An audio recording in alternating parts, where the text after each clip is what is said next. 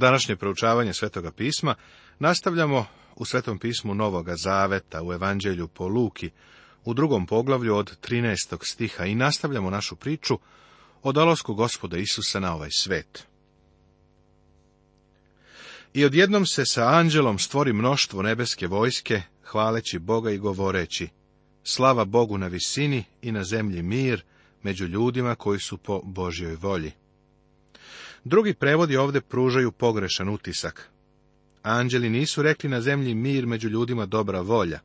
Oni su u stvari ovako kazali, mir ljudima dobre volje ili mir među onima kojima je gospod zadovoljan.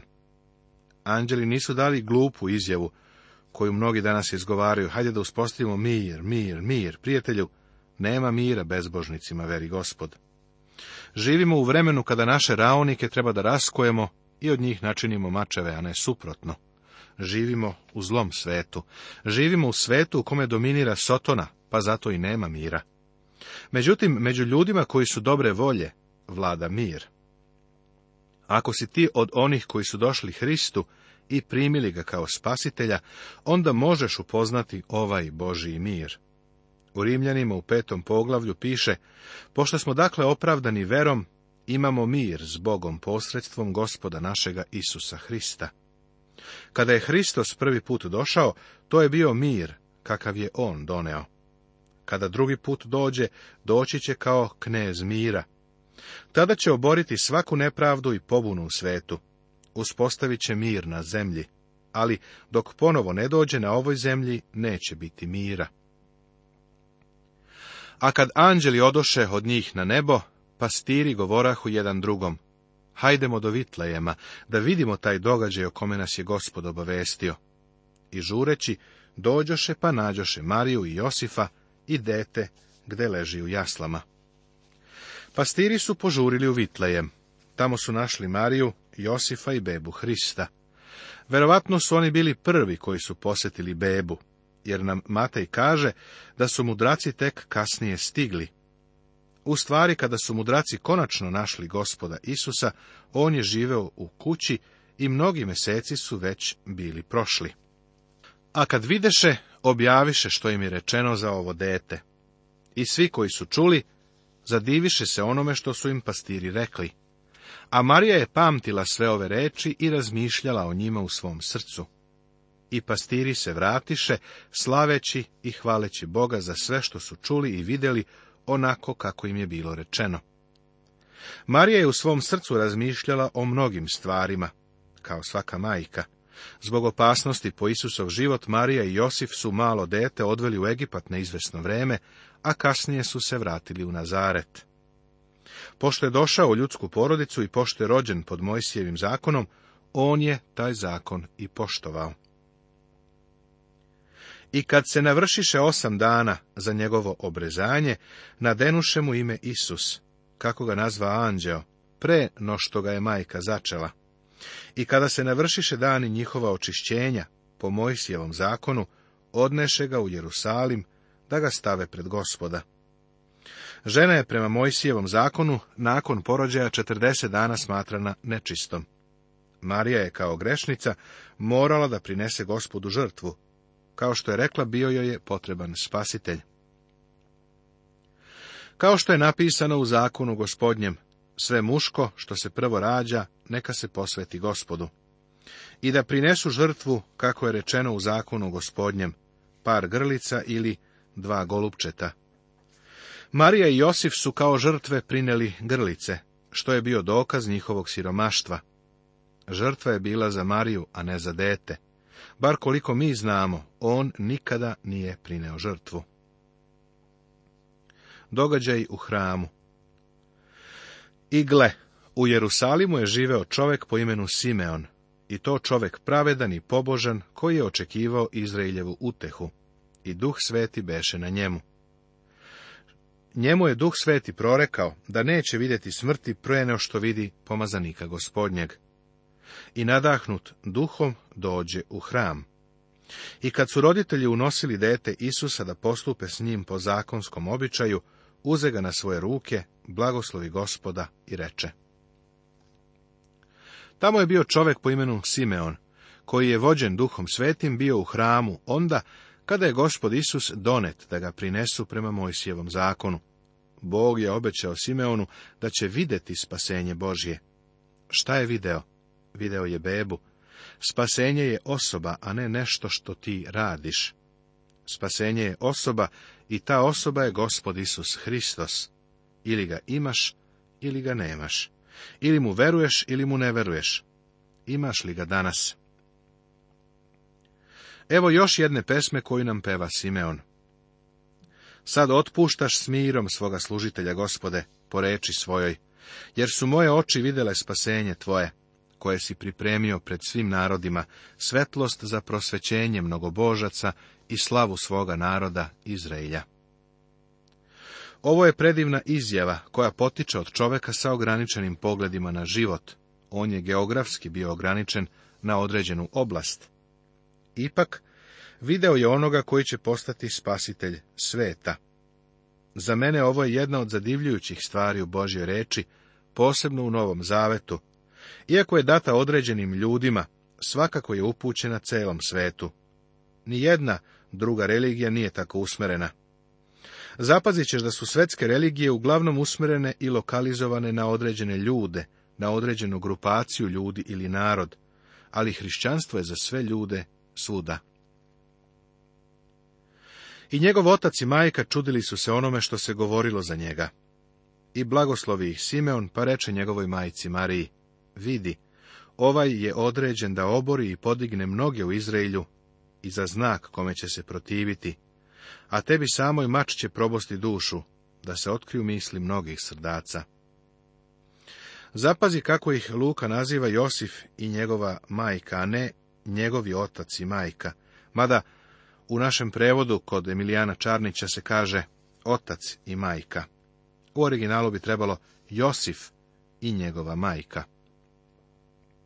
Marija je platila ogromnu cenu da bi na svet donela spasitelja. Platila je užasnu cenu da stoji ispod krsta gospoda Isusa i gleda ga kako umire. Hristov krst je pokretao mnoge ljude. Slikari su naslikali slike, pisci pesama su komponovali muziku o njemu, a govornici i propovednici su rečima prikazivali te momente. Postoji opasnost u zadržavanju i prepuštanju sa uživljavanjem u njegovoj smrti. Hristos nije umro da bi izmamio nečije saosećanje. Njemu ne treba tvoje saosećanje, on želi tvoju veru. Kasnije u evanđelju po Luki, kada je gospod bio na putu prema krstu, neke žene su počele da plaču. Isus se obazre na njih i reče, Kćeri Jerusalimske, ne plačite za mnom, nego plačite za sobom i za svojom decom. Ako bi ti suze tekle za Isusa, bolje ih sačuvaj za sebe i svoju porodicu. Ne plači za njim, njemu ne treba tvoje saosećanje. Isus Hristos želi tvoju veru. Međutim, kada je Marija stajala ispod tog krsta i posmatrala kako Isus umire, njeno srce je bilo slomljeno. Njena patnja, naravno, nema nikakve veze sa tvojim spasenjem. Njena patnja nema ništa ni sa njenim spasenjem. Njena patnja se odnosi na međuljudske odnose. Ona je bila Hristova majka. Donela ga je na svet i podigla ga, vaspitavala. On je bio njen sin. Vidiš, kada je naš gospod pogledao sa krste i rekao, ženo, eto ti sina, to je bio ljudski odnos koji niko drugi nije imao. Ona je patila kao njegova majka. U tom momentu se ispunilo Simeonovo proroštvo. Mač je probao njenu dušu. U ovom evanđelju je mnogo pesama, a sada evo još jedne. Bila je i proročica Ana, Fanuilova kći iz plemena Asirova. Ona beše vrlo stara od svoga devojaštva, živela je sa mužem sedam godina, a kao udovica do 84 godine. Nije napuštala hram, služeći Bogu postom i molitvom noću i danju. I u isti čas ona dođe i slavljaše Boga, i govoraše o njemu svima koji su čekali izbavljenje Jerusalima. Ana je kao i Simeon živjela vrlo blizu Boga. On je i njoj obećao da će prepoznati i vidjeti njegovog sina, njenog Mesiju. Ona mu je zato zahvalila. Iako njena pesma nije zabelažena, to jeste pesma slavljenja. Ne mogu, a da ne kažem da ima nekih koji govore da postoji deset izgubljenih Izraelovih plemena. To jeste da je deset plemena koji su odvedeni u asirsko ropstvo u osmom veku pre Hrista radije migriralo na sever nego da se vrate u zemlju Izrael.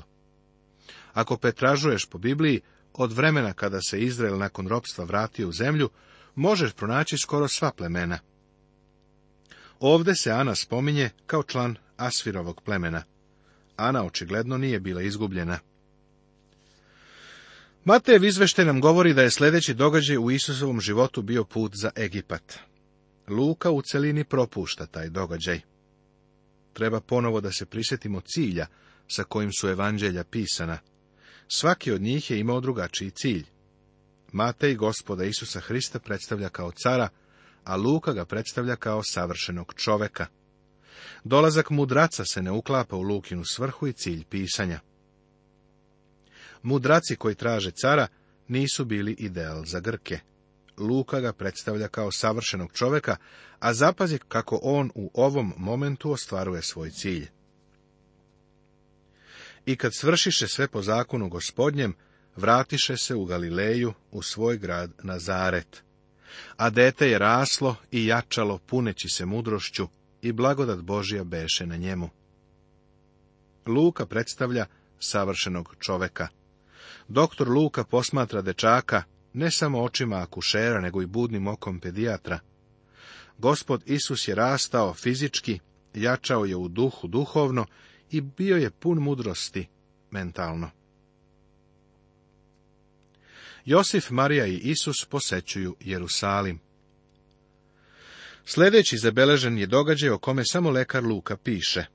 Ovo je iz tog razloga što je on pedijatar i zainteresovan je za gospoda i u dečačkom dobu, kao i u odraslom.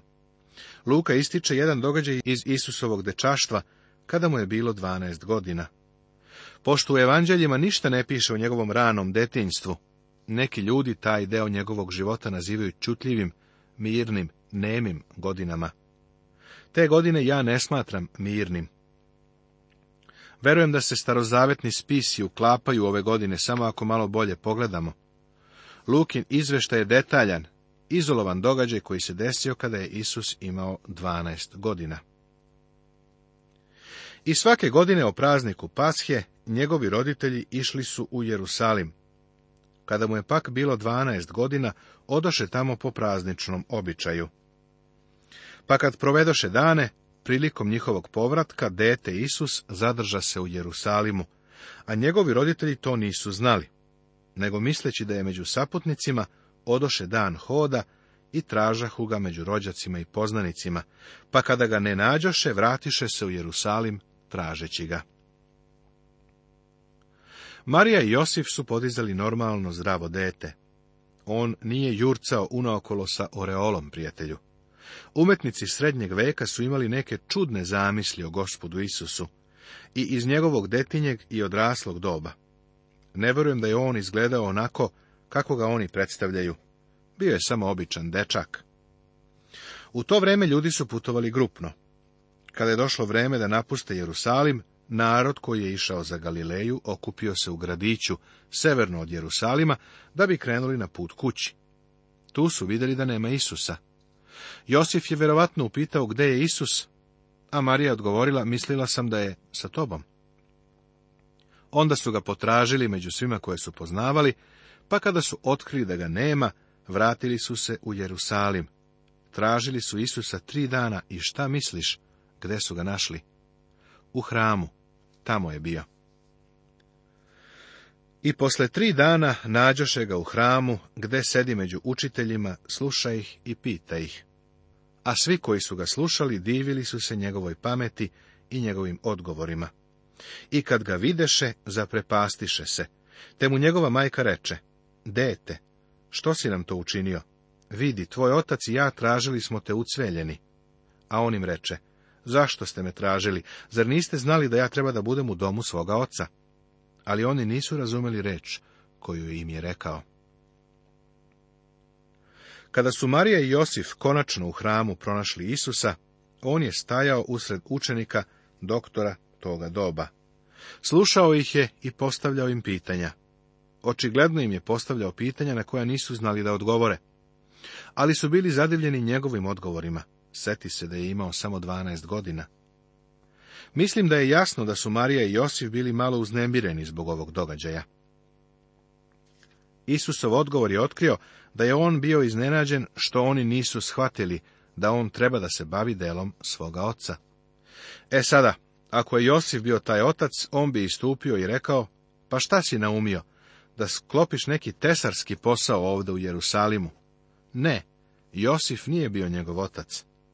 Isus govori o radu svoga nebeskog oca.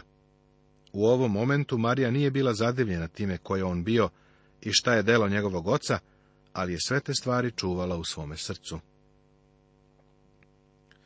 I siđe sa njima te dođe u Nazaret i bio im je poslušan. A njegova majka je čuvala sve ove reči u svom srcu. Isus je pak napredovao u mudrosti i rastu i milosti kod Boga i ljudi. Isus je bio poslušan svojim roditeljima, ovo je zanimljivo u svetlu činjenice da su mladi ljudi danas pobunjenički orijentisani i da zahtevaju da oni budu saslušani da se čuje njihov glas. Kažu da mi njih treba da saslušamo. Slušao sam ih i još uvijek nisam čuo da su nešto rekli, uprkos celom publicitetu koji im je na televiziji i radiju dat. Lično smatram da jedan učenik ili student nema mnogo šta da kaže. Još uvijek je zelen, uprkos svom količniku inteligencije. Informacije koje on daje su ograničene i neobjektivne i on ne posjeduje iskustvo koje bi sve to proverilo i procenilo. Zadivljujuće je vidjeti da ovaj dečak, Isus, Boži sin, jeste bio poslušan svojim zemaljskim roditeljima. Doktor Luka nam daje izveštaj o ovim mirnim godinama, kada je Isus rastao i stasavao u odraslu osobu. Rastao je u mudrosti, mentalno, u rastu, dakle fizički, i u milosti kod Boga duhovno i ljudi društveno. U svim oblastima gospod Isus je rastao u savršenog čoveka. Poglavlje treće Propovedanje i krštenje Jovana Krstitelja Jovanovo svedočanstvo o Hristu Irod odvodi u tamnicu Jovana, Hristos se krštava i prima svedočanstvo sa neba, godine i Hristov rodoslov sa Josifove strane, a nadalje se stalno govori o Marijinom rodoslovu. Luka sa pravim istorijskim pristupom određuje vrijeme službe Jovana Krstitelja u skladu sa svetovnom istorijom. Stavlja naglasak na Jovanovu poruku pokajanja kao uslov za Mesiju koji dolazi. Iz Mojsijevog zakona pranja vodom, što je bio svakodnevni običaj potapanja toga vremena, Jovan je krštavao one koji su mu dolazili. Ovo je bila samo priprema, moralna reformacija za Hrista koji dolazi. Hristos će krštavati duhom svetim. To je prava transformacija. Rodoslov u ovom poglavlju je sa Marijine strane, što nam otkriva dve činjenice. Prvo, ide sve do Adama, oca ljudske rase. Isus je zaista bio čovek, Matej, predstavljajući Isusa kao cara, prati njegov rodoslov samo do Avrama. Luka, dok predstavlja Isusa kao čoveka, ide sve do Adama. S druge strane, Marija je bila Davidov potomak preko nekog drugog, a ne preko Solomona, preko Davidovog sina Natana. Ovdje uporedi 31. stih sa prvom knjigom dnevnika, trećim poglavljem, petim stihom Svetog pisma Starog Zaveta. Služba Jovana Krstitelja Ovo poglavlje sadrži mnoge detalje. Luka je vrlo precizan i tačan. A u 15. godini vlade cara Tiverija, kada je Pontije Pilat upravljao Judejom i Irod četverovlasnik Galilejom, a njegov brat Filip kao četverovlasnik nad Iturejom i Trahonitidom, Palisanija kao četverovlasnik nad Avilinom, u ovom stihu je navedeno šest osoba, što nam omogućava da odredimo vreme. Cezar Avgust je bio imperator u vreme kada je gospod Isus Hristos rođen. Sada je Cezar Tiverije car. Svetovna istorija, koja nas snabdeva detaljima, kaže da je Tiverije bio briljantan, ali brutalan. Bio je bistar, ali podmukao. Bio je nehuman i bezbožan. Trudio se da zavlada svetom. Zato su nam data imena vladara koji su bili samo marionete. Kada su Ana i Kajafa bili prvosveštenici, reče Bog Zaharijinom sinu Jovanu u pustinji. Ana i Kajafa su bili prvosveštenici. Zašto su postojala dva prvosveštenika? Dva prvosveštenika su pokazivala silu Rima nad religijom Jerusalima toga vremena. Ana je predstavljao moć u senci trona, a Kajafa je bio onaj koga je Rim postavio javno. Normalno iskustvo za Jovana bilo bi da je služio u hramu poput njegovog oca. Trebalo je da bude vođa u hramu, ali je on to odbacio. Umjesto toga otišao je u pustinju i odrekao se svoga prvosveštenstva. Nije želeo da služi u korumpiranom sistemu, pa je postao prorok. Ovo je njegova slika. Jovan je bio sveštenik, koji je postao prorok. Nastavit će se.